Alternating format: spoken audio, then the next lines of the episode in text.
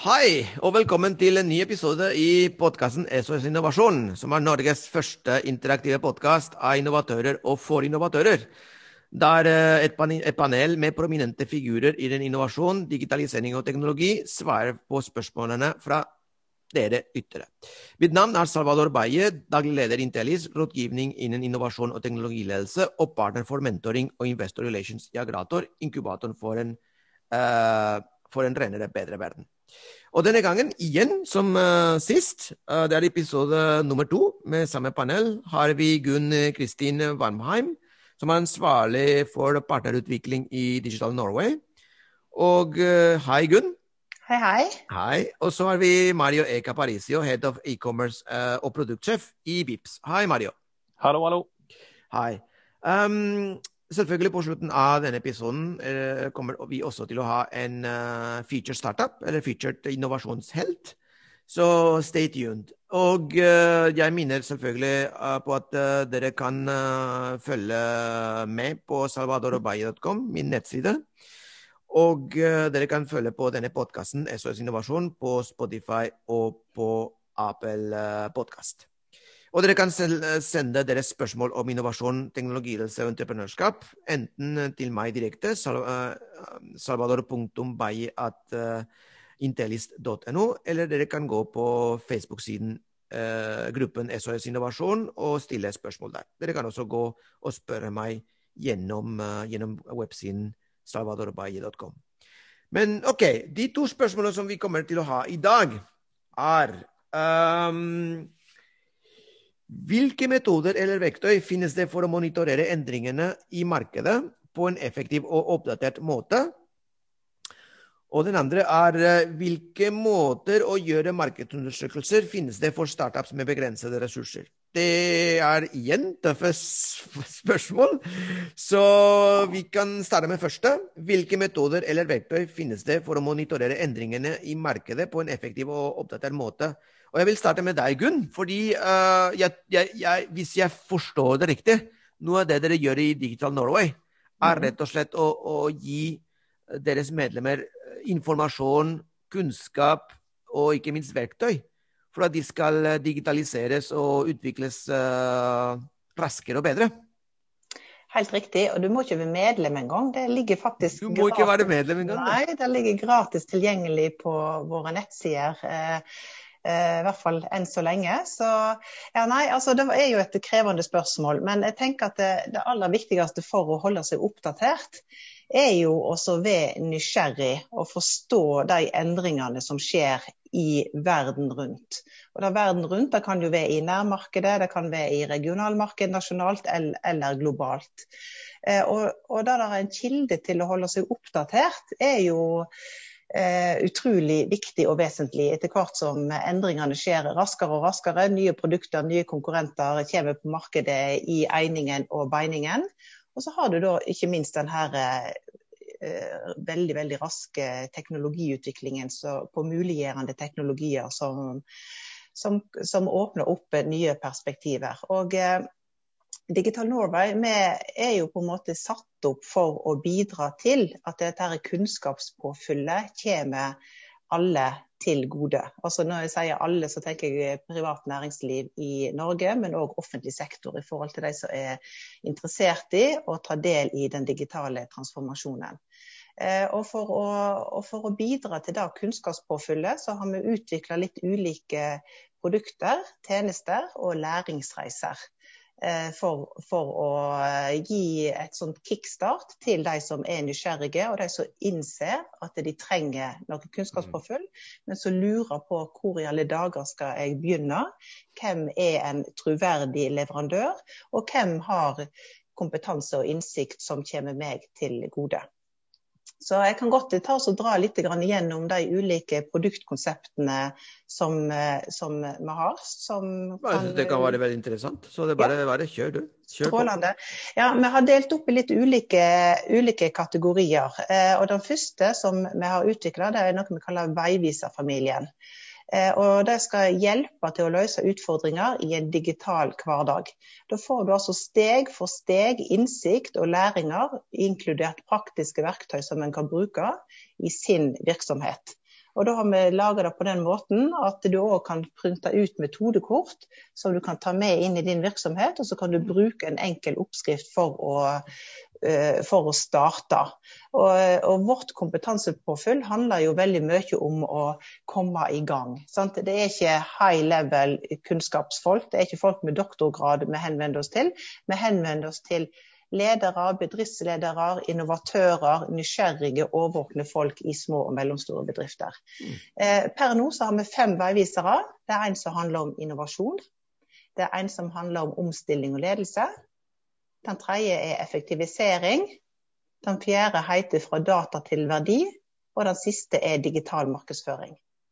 Og det er jo store tematikker som blir tatt opp i de veiviserne, men hele clouet her er å formidle det på en sånn tydelig, begripelig, enkel måte, sånn at en kan ta i, ta i bruk kunnskapen når en har kommet igjennom en, en veiviser.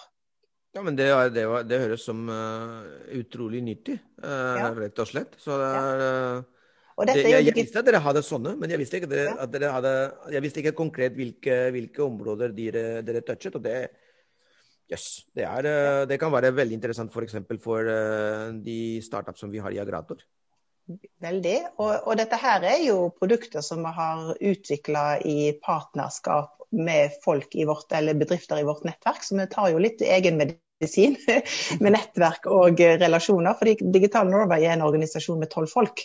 Vi kan jo ikke sitte og produsere opp alt dette her innholdet av oss sjøl. Så vi har, en, vi har, en, rigg, vi har en struktur, og så inviterer vi inn kunnskapsmiljøer for å bidra til å fylle opp tematikkene. Eh, og disse her veiviserne de har litt ulike lengder, men dette her er sånn som du fint tar mm, eh, hjemme sjøl. Det er jo digitale produkter alt sammen. Utrolig bra. Uh, Mario, visste du at uh, Digital Norway hadde sånn? Nei, uh, det var Nei, Gunn, jeg, tror at må det, må jeg, tror at, Gunn, jeg tror at Digital Norway må være hakka bedre på, på, på, på å kommunisere sånn. Altså. Fordi ja. det, dette, dette, er jeg, jeg, vet ikke du, hva du syns, Mario, men, men, de områdene hun, Gunn peker på, er veldig vesentlige. Ja, absolutt. Det, det hørtes utrolig nyttig ut. De veivisere på for også de små bedriftene. Det er klart at eh, du, du er nødt til å, å, eh, starte på et ganske sånn enkelt nivå og, og, lære folk opp i Det er ganske mange ting som skal læres for en startup av små bedrifter. Så, så, du ikke kan forvente kompetansen er ute. Så god veiledning er jo kjempebra. Og hvis du skal bruke konsulenter, så blir det fort dyrt. ja, da blir det. Men det, er know it! Og så er det noe med, måte, med språket og begrepsavklaringer i dette. her. Sant? For mm. det er jo ikke alltid så veldig lett å orientere seg når du beveger deg i innovasjon, teknologi og forretning. Det er mye stammespråk, det er mye begreper. Det er en blanding av norske og internasjonale eh, teorier som en, som en, drar inn. Så det er noe med å på en måte ta det komplekse ned til en begripelig pakke, sånn at mottakeren lett kan sette seg inn i det, og så ta steget videre derifra. Da. Fordi at eh, Det som vi òg ser, er jo dette med behovet for etter- og videreutdanning. Så, eh, så, da har vi jo inngått samarbeid med veldig mange innenfor akademia. sånn at når en har tatt et digital veiviser hos oss f.eks., som da er gratis og som du drar deg gjennom sjøl, og blir veldig inspirert og motivert, og så tenker du å oh, wow, dette her har jeg jo lyst til å kanskje formalisere litt, grann, så mm. kan en da gå videre i noen av etterutdannings- og videreutdanningsløpene som vi skisserer med akademia, for å få litt mer sånn formalisert kompetanse på det som en er nysgjerrig på. Meget bra. Gunn, jeg tror at jeg kommer til å invitere deg til en, eh, til en av våre inkaugatorsamlinger. Bare så du vet det. Yeah, do, do that. Men så er det jo dette her med digitalisering. For det er klart Digital transformasjon det, omhandler jo alt som en bedrift står i. Eh, men så, så, opplever vi jo at veldig mye av usikkerheten dreier seg jo konkret om teknologiene. Eh, og Da har vi òg laga sånne små eh, digitale kurs som tar for seg ulike teknologier, sånn at jeg kan få innsikt i hva er det det betyr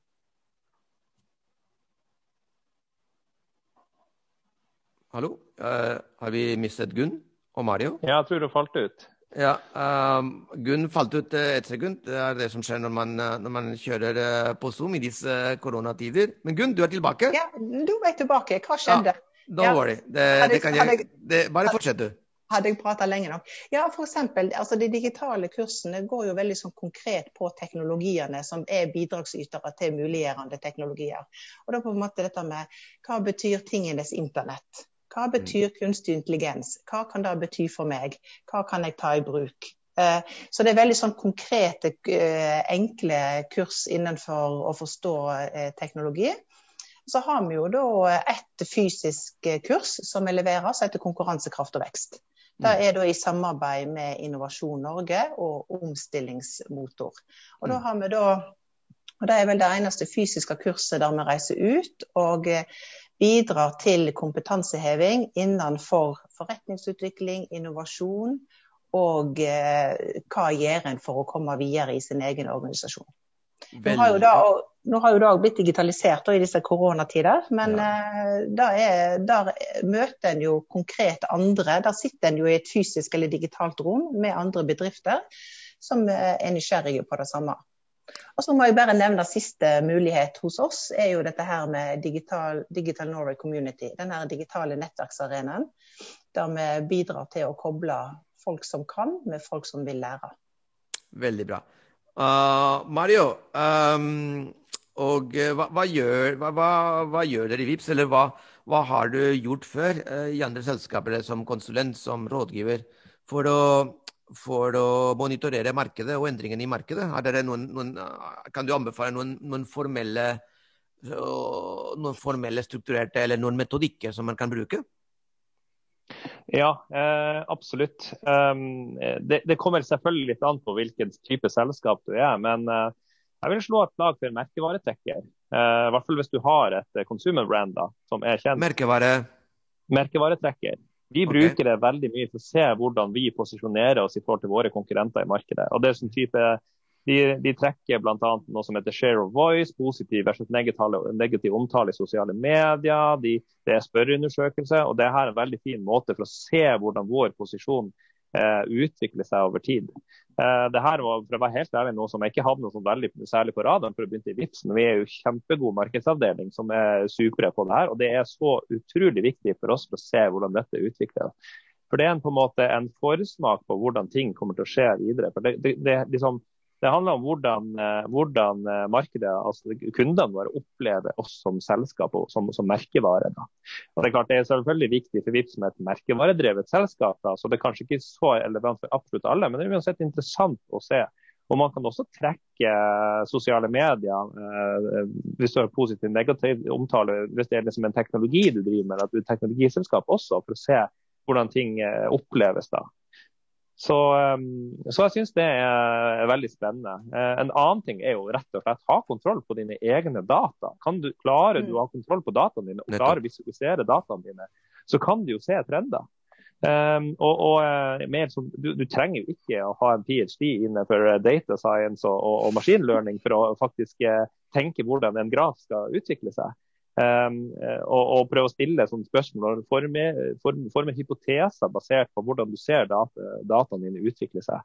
For Det er jo også en syretest på hvordan, eller en, på en måte en kanarifugl som viser hva, hva, hva, som skjer. ikke sant? Mm. Um, jeg vil også slå en, et slag for bransjepublikasjoner, bransjemagasiner. Og hvis du leser de over tid, da, så vil du også kunne trekke endringer.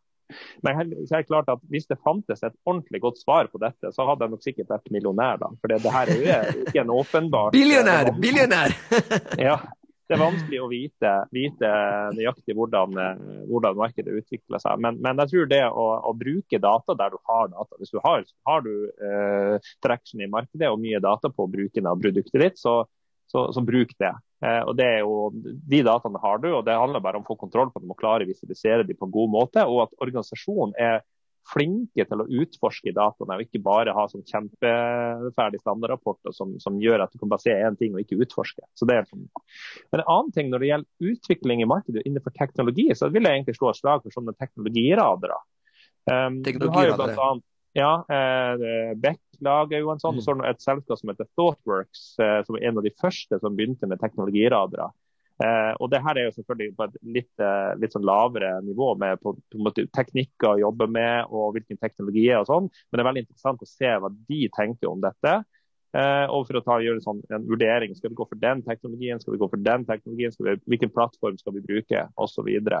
Så det også kan være interessant uh, å gjøre. Og enda dypere innenfor den teknologisporet så har du jo uh, en, sånn, en, sånn, undersøkelse som kommer ut hvert år som heter State of DevOps, som er utrolig bra uh, og, undersøkelse hvor de spør forskjellige bedrifter hvordan de driver business, IT-business. da. Uh, og Her sammenligner jo de som gjør det bra, versus de som gjør det dårlig.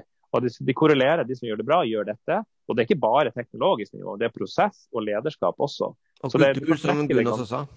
Og Hva sa du? Kultur, som Gunn også sa. Ja, kultur. Yes. Så, så, det er veldig interessant. i State of DevOps-rapportene eh, høres kanskje veldig sånn uh, low level ut, men egentlig så tar de for seg kulturelle og, og lederskapsaspekter med de bedriftene som gjør det bra.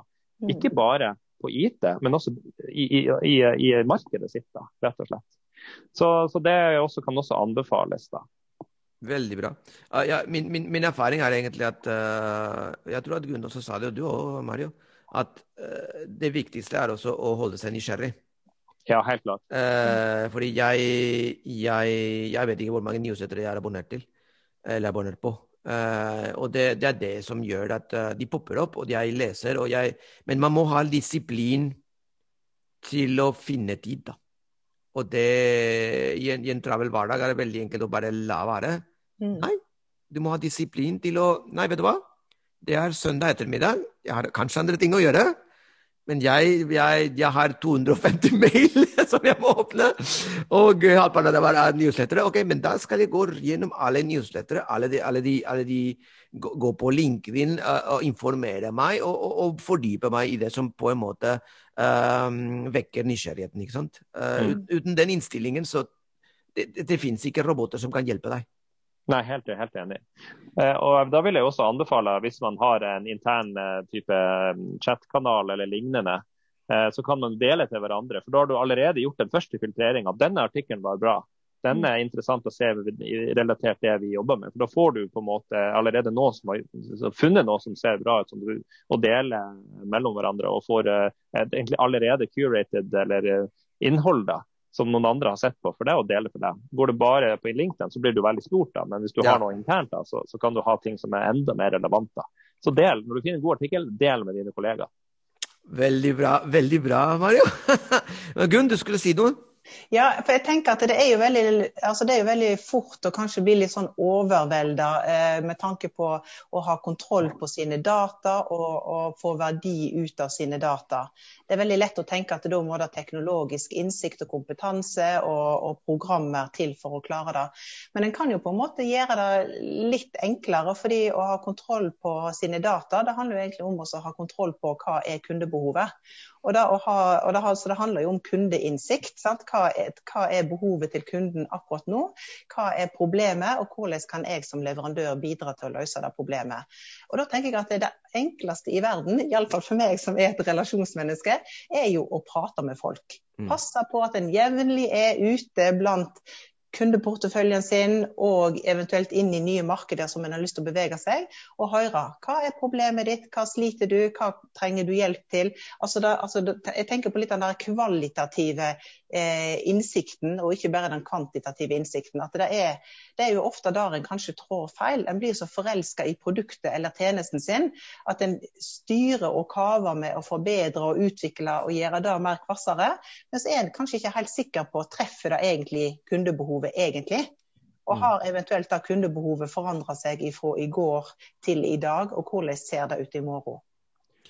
Meget bra. Slå, jeg vil kommentere det. Det er et utrolig bra, bra innspill. Og, og eh, jeg vil påpeke det at eh, fra dataene dine så kan du kanskje formulere hypoteser, men du kan ikke bekrefte de hypotesene. Det kan du gjennom, eh, gjennom kvalitativ veldig godt poeng. snakke med folk.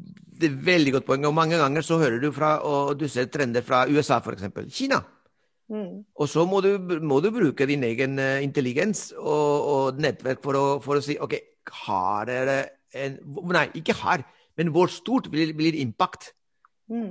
uh, i, min, i, min, i mitt område, på, på, mitt område? Det var faktisk veldig, veldig bra innspill, uh, veldig bra innspill fra begge to. Um, vi må gå over til neste spørsmål, um, som er ganske lik, så vi får se. Um, men uh, jeg vil, jeg vil uh, huske at uh, hvis du Jeg vil minne lytterne om at hvis du vil vite mer om disse temaene, eller du opplever en konkret problemstilling rundt innovasjon, teknologi og entreprenørskap som du vil diskutere med meg, Salvador Obaye, kan du alltid ta kontakt på salvadorobaye.com. Og lenken finner du i podkastbeskrivelsen. Um, så til uh, neste spørsmål. Og det er uh, relatert, men ikke det samme. Uh, hvilke måter å gjøre markedsundersøkelse finnes det for startups med begrensede ressurser? Mario, alt det du snakket om, alle disse ressursene, koster de penger? Eller er det noe som startups bare kan, kan gå på? Ja, sånn, eh, hvis du går til sånn merkevaretrekker, eh, så vil jeg kanskje ikke anbefale det for en startup. da. Eh, fordi at Du må jo ha en liten altså, tilstedeværelse merkevaremessig for at det skal gi noe særlig nytte. Men det å se på dataene dine, er helt klart. Men, men så vil jeg jo så, så snu litt på det her. Hva er det en startup gjør som ikke er markedsundersøkelse? Det en startup burde gjøre hele tida, er markedsundersøkelse. Omtrent ja. kontinuerlig. Hvis ikke så kan du aldri lykkes. Eh, fordi at eh, Du er hele tida nødt til å ha pulsen på markedet for, for, å validere og validere. og validere. Så i de facto så gjør det en markedsundersøkelse hele tiden. da. Men selvfølgelig, hvis du er veldig tidlig i en, i en fase, så, så, er det på en måte å gjøre litt desk research da, om på en måte finnes det noe her i markedet. Men med en gang du skal teste ut ideen, så må du bare snakke med folk og, og, uh, og um, gjøre analyse, gjøre tester, og da gjør du jo i praksis markedsundersøkelse. Eh, så, så, det er på en måte det, nesten det viktigste geskjeften du har som, eh, som startup, det er å gjøre markedsundersøkelse.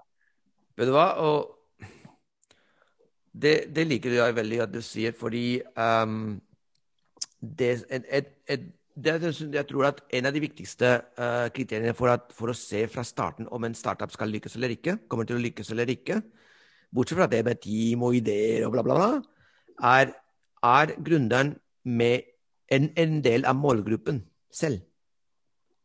Når gründeren er en, en, del av målgruppen selv, når han selv skulle ha behov for det, den nye tjenesten eller det nye produktet, da har du, og kommer fra den verden og kjenner den verden godt, da har du mye vunnet. Fordi all den efforten du snakker om, Mario, som selvfølgelig en startup må gjøre kontinuerlig Hvis du kommer fra helt en, en, altså, Du er en outsider, og du vet ingenting om det, om det markedet du egentlig skal, skal, gå for. Du bare har hatt en idé. Da blir det mye mer vanskelig. Og dine sjanser for å lykkes er mye, mye, mye, mye, mye mindre. Um, rett og slett fordi du, du vet så, så, lite. Ikke sant? Og ting som som kan virke veldig åpenbare når du først er i det, i, i markedet. I det markedet. Du, du, begynner å snakke med, med, med representanter av, av, industrien eller markedet. Så skjønner du at alt er komplisert. Altså, alt er komplisert. Jeg, jeg, jeg jobbet for selskaper som, har, som hadde produkter som tilsynelatende var ekstremt enkle. My God, altså! Det er alt. Alt er en verden. Og jo mer, jo mer nærmere du er til den verden du skal, du skal kommersialisere mot, og du skal hjelpe til uh, som grunner, desto, desto, flere sjanser du har til å lykkes. Hva syns du? Eller Gunn, har du noen uh, Jeg tror du hadde noe å si? Du ville si noe? Ja, vil jeg ikke alltid si noe, da? jo da. Nei, jeg tenker at det, altså, Nå er ikke jeg noen ekspert på, på markedsundersøkelser og eh, produkter og tjenester som, som, støtter opp under det, men jeg tenker litt sånn tilbake til det som vi snakket om sist. at det, det viktigste er jo å vite hva behov er det som en kunde, en bruker, har, og hva skal du gjøre for å løse det problemet eller støtte opp under det behovet. Så da er det jo igjen tilbake til innsikt og dialog inn mot det markedet som, som du henvender deg til. Og er det en ting som er sikkert i denne globale verden, er at, at en har jo ikke et marked for seg selv om en er global eller, nei, om en er lokal eller regional. Sant? Det kommer jo utfordrere fra alle kanter hele tida, så da må du ha kontroll på hva er kundebehovet. Eh, og så tenker jeg at Det andre som en er nødt til å være veldig eh, trygg på, er jo at en har en innovasjonskultur i startupen. Og klart, Nå kan det jo kanskje ligge litt sånn i ordets natur at, eh, at alle bedrifter som etablerer seg, har en innovasjonskultur, men det trenger jo ikke være sånn. Det er jo noe med å forstå at når en går inn i noe nytt, så må en hele tida òg ha perspektivet at en er nødt til å komme opp med et foreløpig ferdig produkt. En er nødt til å gå og teste det i markedet. Ta tilbake innsikt, læringer og perspektiver på, den, det en får. Og så eh, gjøre justeringer, teste på nytt. Altså at det må gå dette her innovasjonshjulet da ganske konsekvent. For den, den, tiden er forbi når en satt med sånn forskertenkehatt forsker-tenkehatt inne på et hjørnekontor, hadde et ferdig produkttjeneste, lanserte det i markedet og casha inn masse penger. Sant? Så nå er, nå er, det helt andre mekanismer. Og Da betyr det jo at den der kulturen, rausheten, tryggheten i det teamet som eh, utgjør en virksomhet, er helt essensielt viktig for, for å lykkes. Sant? Og dette her med å feile nesten er blitt en religion. Det, altså, du er ikke dum når du feiler, du bare lærer når du feiler. Og Det er noe med, det er et sånn skifte i tankesett. Eh. Jeg husker det, det første innovasjonsmetodikkene som jeg brukte i, eh, i, gamle dager. for å si Det sånn. Det er en metode som jeg likte utrolig godt. Han heter Think big, act small, start now. Mm. Og det er jo egentlig same shit, new rapping som design thinking, eh, som er så utrolig populært nå. Da, Men det, det, forteller litt om perspektivet, og hvordan en må tenke, og hvordan en er nødt til å agere for å lykkes som en uh, nyetablert virksomhet. Da. Meget bra. Uh, og med disse veldig kloke ord så avslutter vi denne episoden. Uh, bare stay tuned, fordi vi, vi har selvfølgelig en, uh, spennende, en spennende, startup på slutten av denne episoden. Og uh, takk til dere i panelet. Takk eh, Mario. Takk uh, Gunn. Og uh, i neste episode kommer vi til å svare på følgende, følgende spørsmål. Um, hvordan kan det som skapes, utnyttes etter at et, et, et, samarbeid blir avsluttet? la oss si at du har et samarbeid mellom to samarbeidspartnere, og det skapes noe, noe nytt seg imellom. Og hva skjer når samarbeidet blir avsluttet? Og hvem kan lære oss om andre kulturer og måter å gjøre business på?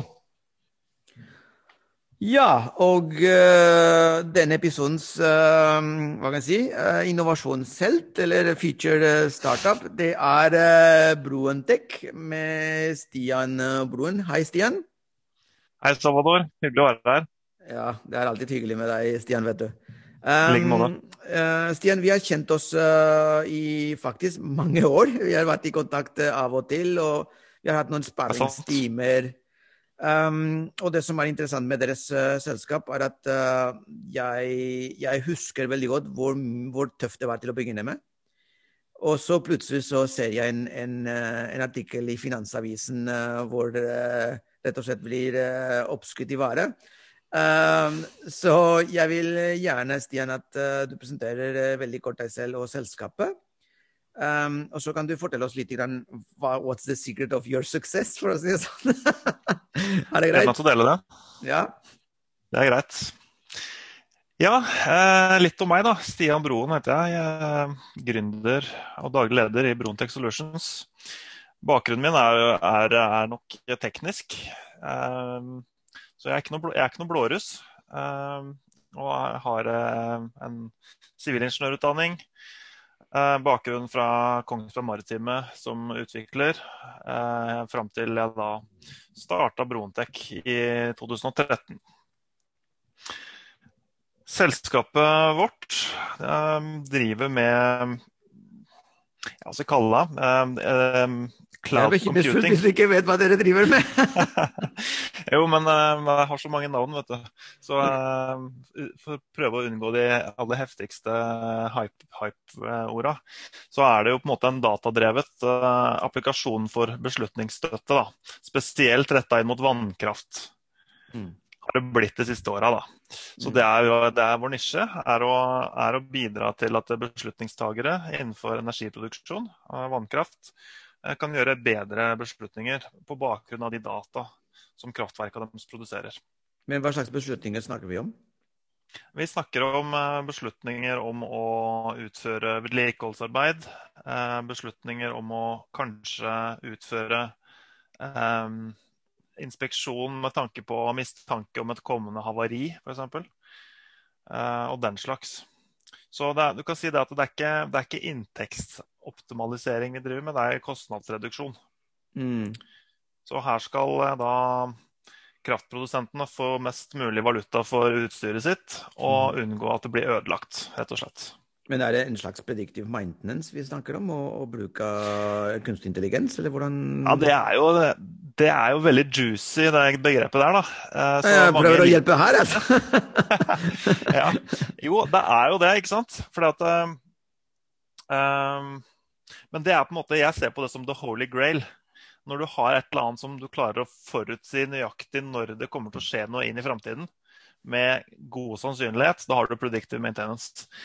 I uh, vannkraft så Jeg skal ikke skryte på meg at vi er helt i mål med, med det ennå. Uh, I, i vindkraft, f.eks., for, for å ha noe å sammenligne med, så er det litt enklere. Fordi at uh, Det er fremdeles ikke enkelt, men det er enklere. fordi at du har typisk at et, en mølle, da, vindmølle, det er mange av de, og de er like. Så du har mye mer treningsdata. Eh, mens det er jo data og informasjon tilgjengelig som egentlig bestemmer hva du kan gjøre. Og i vannkraft så har hvert eneste vannkraft helt unikt, og spesielt for seg selv. Da. Det er klart du har likhetstrekk på tvers av vannkraftverk også, eh, men det er jo en utfordring som på en måte vi eh, farger veldig mye av, vår, av vårt produkt, som heter Tyde.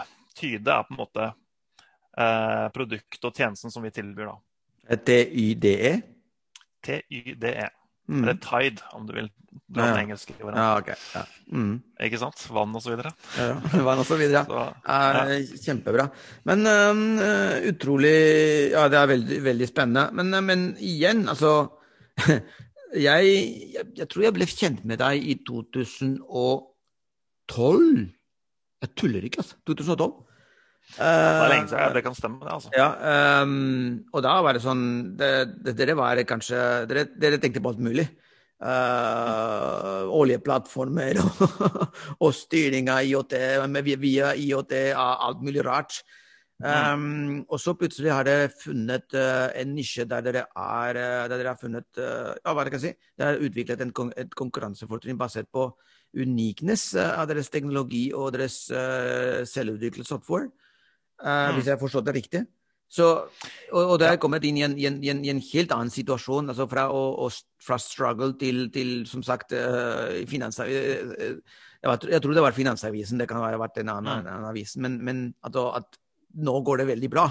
Um, hva, hva, kan de Det som de lytterne sikkert er veldig interessert i å, å høre, er hva skjedde? Hva, har, du no, har, du noen konkrete punkter du kan peke på? Så, vet du hva? Det er da vi, der, der vi gjorde dette, at uh, alt uh, lysnet. Eller har det, vært, uh, har det vært rett og slett en kontinuerlig drypping av, av, av gode beslutninger? og mye jobb og mye banke på dere. Hva, hva, når begynte du Nei, vet du hva? Nei. Spørsmålet er når begynte du å sove godt? Igjen. Og hvorfor? Du, jeg er jo velsignet med et ganske greit naturtalent akkurat når det gjelder det. Så jeg sover stort sett alltid greit, okay. uansett hvor stressa jeg er. Så kanskje det er en uh, litt sånn uh, flaks uh, på det hele. Men, men jeg, jeg veit hva du er på jakt etter, Salvador. Så jeg, jeg tror jeg har noen punkter også på det. Det er klart det at jeg og mine kollegaer da, i Brontech vi er teknologer alle sammen. Vi er en sånn nerdegjeng, ikke sant. Så er typ, det er typisk da, for uh, kall det sånne som oss, at vi er ofte mer interessert i akkurat hvordan et problem løses, enn hva problemet er. Og det, det, pleier ikke å være, et, det pleier ikke å være su su suksessresipi, da. Nei, det gjør ikke det, ikke sant. Det gjør ikke det.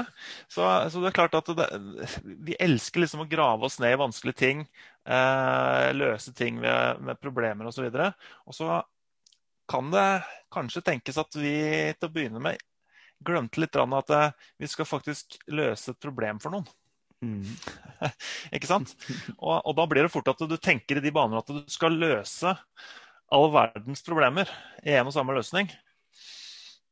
Og dekke alle markeder som finnes innenfor IOT. Altså, så, så blåøyde var vi, altså. Og, og, eh, kan du si Sånn i etterpåklokskapens navn så er det jo, er det jo nesten litt, litt, pinlig å se hvor naive vi var, da. Og overambisiøse. Mm, mm. uh, men det er heldigvis noen som heter Learn by failing. Og det er, litt sånn, det er blitt eh, heldigvis mer og mer godkjent. Så jeg kan godt si at det, en, det har vært en uh, strategi for oss. For jeg, jeg, har gjort, jeg, har gjort, ganske mange av feilene av Salvador. Det har jeg. Ja. Eh, gått opp hele banen, tråkka opp stien osv. Gjort masse feil og lære av de. Det er liksom uh, ja, jeg man kan kalle det, det finner jo ikke veien inn i en sånn eh, skolebokeksempel på hvordan du skal gjøre det, antageligvis. da. Men vi har jo bare hivd oss ut i det, ikke sant? Og så eh, lært underveis. Men er det, er det altså, men det du peker på, er det, altså det står i strategiboka side tre. Altså at uh, pick your segment. finn, mm. finn, en, finn, en, problemstilling, finn et segment og utvikle noe som er bra for, for begge deler. ja, det høres jo så uh, basic ut, ikke sant? Selvfølgelig. Uh, så skal man gjøre det. Og uh, jeg husker jo på en måte det første året, så var det jo var jo utfordringen litt at vi skulle, vi skulle gjøre noe helt konkret. Mm.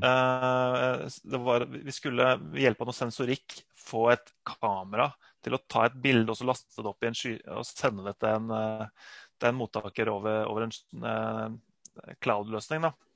Men så var bestillinga litt sånn at eh, ja, vi skal gjøre det, det er ganske konkret, men du må også lage et system som en tilrettelegger for den slags. Mm. Uh, for kunden da sa liksom, vi, vi, vi, kommer til å finne på andre ting etterpå, vi vet ikke helt hva ennå. Så da ble jeg utfordra på det også, ikke sant. Og så blei det jo den utfordringen som på en måte tok over hele bøtteballetten, egentlig. Skulle okay. liksom tilrettelegge for alle tenkelige situasjoner som vi ikke visste om osv. Oh, ja. Men så kom det jo på en måte en, en, den eh, store realization, da. At du, det blir ikke noe butikk hvis ikke du har noe du kan selge. ikke sant? Du må, du må selge noe som en kunde føler at henvender seg til dems utfordringer. Ja. Hvis du har et produkt som skal løse alle andres problemer, så, så føler jo ikke kunden at det er noe for dem. ikke sant? Da er det liksom mm. bare, å, her er, bare sånn der, her er noen bare skutt fra hofta. Eller sånn teppebomba alt mulig rart. Så det, mm. det, er ikke så interessant, ikke sant? Men å faktisk eh, eh, ha et produkt som henvender seg til en helt konkret pain. Det er klart, det, det står antageligvis ganske tidlig i den læreboka, Salvador, som jeg ja, ja. selvfølgelig burde lese. nå har jeg sett, nå har du lært! ja, nå har jeg lært det på den tungvinte måten, ikke sant. Så, um, så det som ble vendepunktet, da, det var, det var jo at um, vi vi, vi, vi, vi, lagde ferdig teknologien. ikke sant? Det var, det var, kjempegøy. Det er det vi elsker. Lagde sensorer, lagde gateway, alt mulig som skulle dekke inn i en sånn IOT-portefølje. Så var vi posisjon, i posisjon til å begynne å selge dette her. Og så sa vi dæken, det, det var vrient, ja. Vi vet egentlig ikke helt hvor vi skal begynne. Så da, da var da vi begynte å skjønne at Søder Vi burde jo absolutt hatt en nisje. Eller et fokusområde, i hvert fall. da. Mm. Så det som har en retning. Og da, da, begynte vi liksom å søke etter dette her, da. Og øh, øh, kom over da et, et, et, utlyst prosjekt fra Glitter Energi. Mm. Som øh, egentlig ba om noe som vi kjente oss veldig igjen i. da. Dette her var noe som hørtes ut som i grunn det vi jobba med, men det her var for vannkraft. Og da tenkte vi er dette skal vi, det, er, skal vi prøve? Det var, det var, jo litt sånn uvant terreng, ikke sant? for vi har jo ikke egentlig skrevet tilbud på utlyste prosjekter osv. Dette er jo vannkraft, så det, blir, det følger jo på en måte de fylkeskommunale kommunale prosessene med, og så videre, med tenders osv. Så, videre. så nei, vi tenkte det. Fikk en, egentlig en ganske god dialog med, med han som hadde ansvar for RFI-en. Um, og han oppfordra oss veldig sterkt til å søke. Så vi begynte å jobbe på, jobbe på, jobbe på et, eh, et, tilbud da, som, eh, som, skulle på en måte henvende seg egentlig direkte til en kravspesifikasjon som kunden har. Det var veldig ålreit. ikke sant? Mm. Da, da, fikk vi den opplevelsen at okay, her står det jo ikke sant? Her står det jo mm. hva kunden vil ha. Ja. Det er jo helt topp.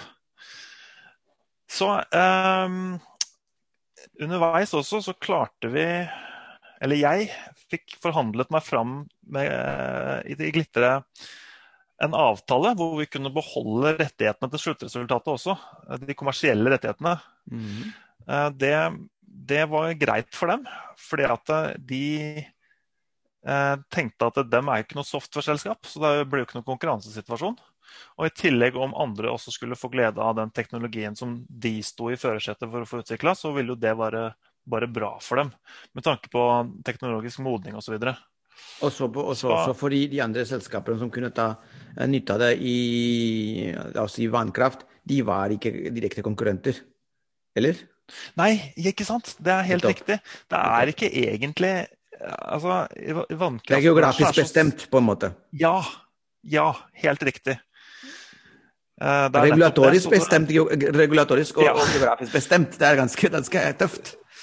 Det er ganske naila og spikra, ikke sant? Ja.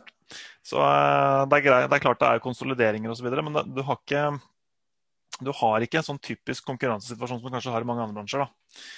Så, så, det var helt uh, greit for Glitre. Jeg, jeg, må jo berømme Glitre også, som evner, evner liksom å, å, se dette her da, i korta. Så der er det jobber det flinke folk, altså. uh, og, og, og, dette var jo helt topp, ikke sant? for da kunne jo vi uh, gå all in på det. Da var det å brette opp armene og så tenke nå, nå har vi muligheten. Nå skal vi egentlig bygge opp noe fra, helt fra bånn med det vi kan, erfaringen vi har, basert på det denne kunden vil ha. Så må også kunden ha to hender på rattet eh, når det gjelder hva det er som er nyttig. Dem vet hva som er nyttig. De er domeneeksperter i vannkraft. Så dem skal få bestemme hva det er som skal inn i en sånn her løsning og ikke.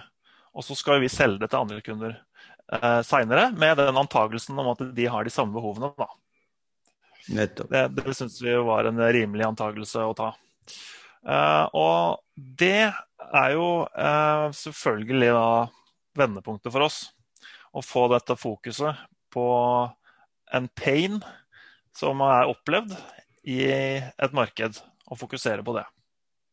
Veldig bra. Det er eh, kjempespennende historie, og, og det er kjempe, kjempefint. Du, på slutten, gratulerer med, med, med, med, den gode reisen.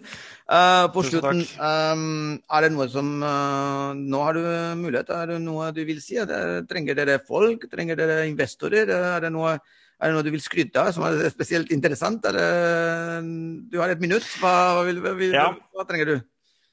Vi har jo fått Captiva Asset Management inn på eiersiden. Det er jo det som det sto om i Finansavisen. Ja. Det var jo noe vi trengte sårt, faktisk. At vi har vært på jakt nå i årevis etter en uh, en partner, en medeier, som ikke bare skal være eh, finansiell, men også industriell. Så Captiva Asset Management de, de er jo vannkraftspesialister. Det var jo det vi fant ut at vi savna etter arbeidet med Lite. At vi skulle hatt noen hos oss som var domeneeksperter i det markedet som vi opererer med. Og som kan uh, sparke ned noen dører inn til noen flere interessante kunder osv. Uh, I tillegg så har vi jo fått også erfare det at vi har et godt produkt som bransjen vil ha. Men innkjøpsprosessene eh, disse, som disse typiske kundene må forholde seg til, er lange og trege. Eh, så det er klart at eh, det er, det er en sånn long game. Mm. Hvor vi, treng, vi, vi, har rett og slett sett at det her trengs det kapital altså, for å stå an nytt. Så Captiva er jo, er jo kinderegg for oss. ikke sant? De matcher opp, de har eksperter som vi stoler på. Det er god stemning, eh, bra miljø. Eh, de eh, bidrar finansielt i forhold til de behovene som vi har skissert opp osv. Så, videre. Så vi er veldig happy om dagen. Da. Nå ser det bra ut for oss, endelig. veldig bra. Stian, tusen takk for, for dette intervjuet. Tusen takk for, for, ditt bidrag til at Norge blir et bedre, et, et bedre land. Takk i like måte, får jeg si da.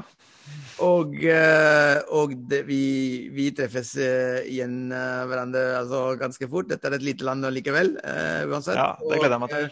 Og, lykke til videre, selv om jeg vet at dere er på Nå, nå er det meste unnagjort, egentlig. Ja. Så nå er det bare muskelkraft. Der var det raw power igjen. Ja. Nettopp. Da snakkes vi. Tusen takk, Stian. Ha det. Selv takk. Ha det.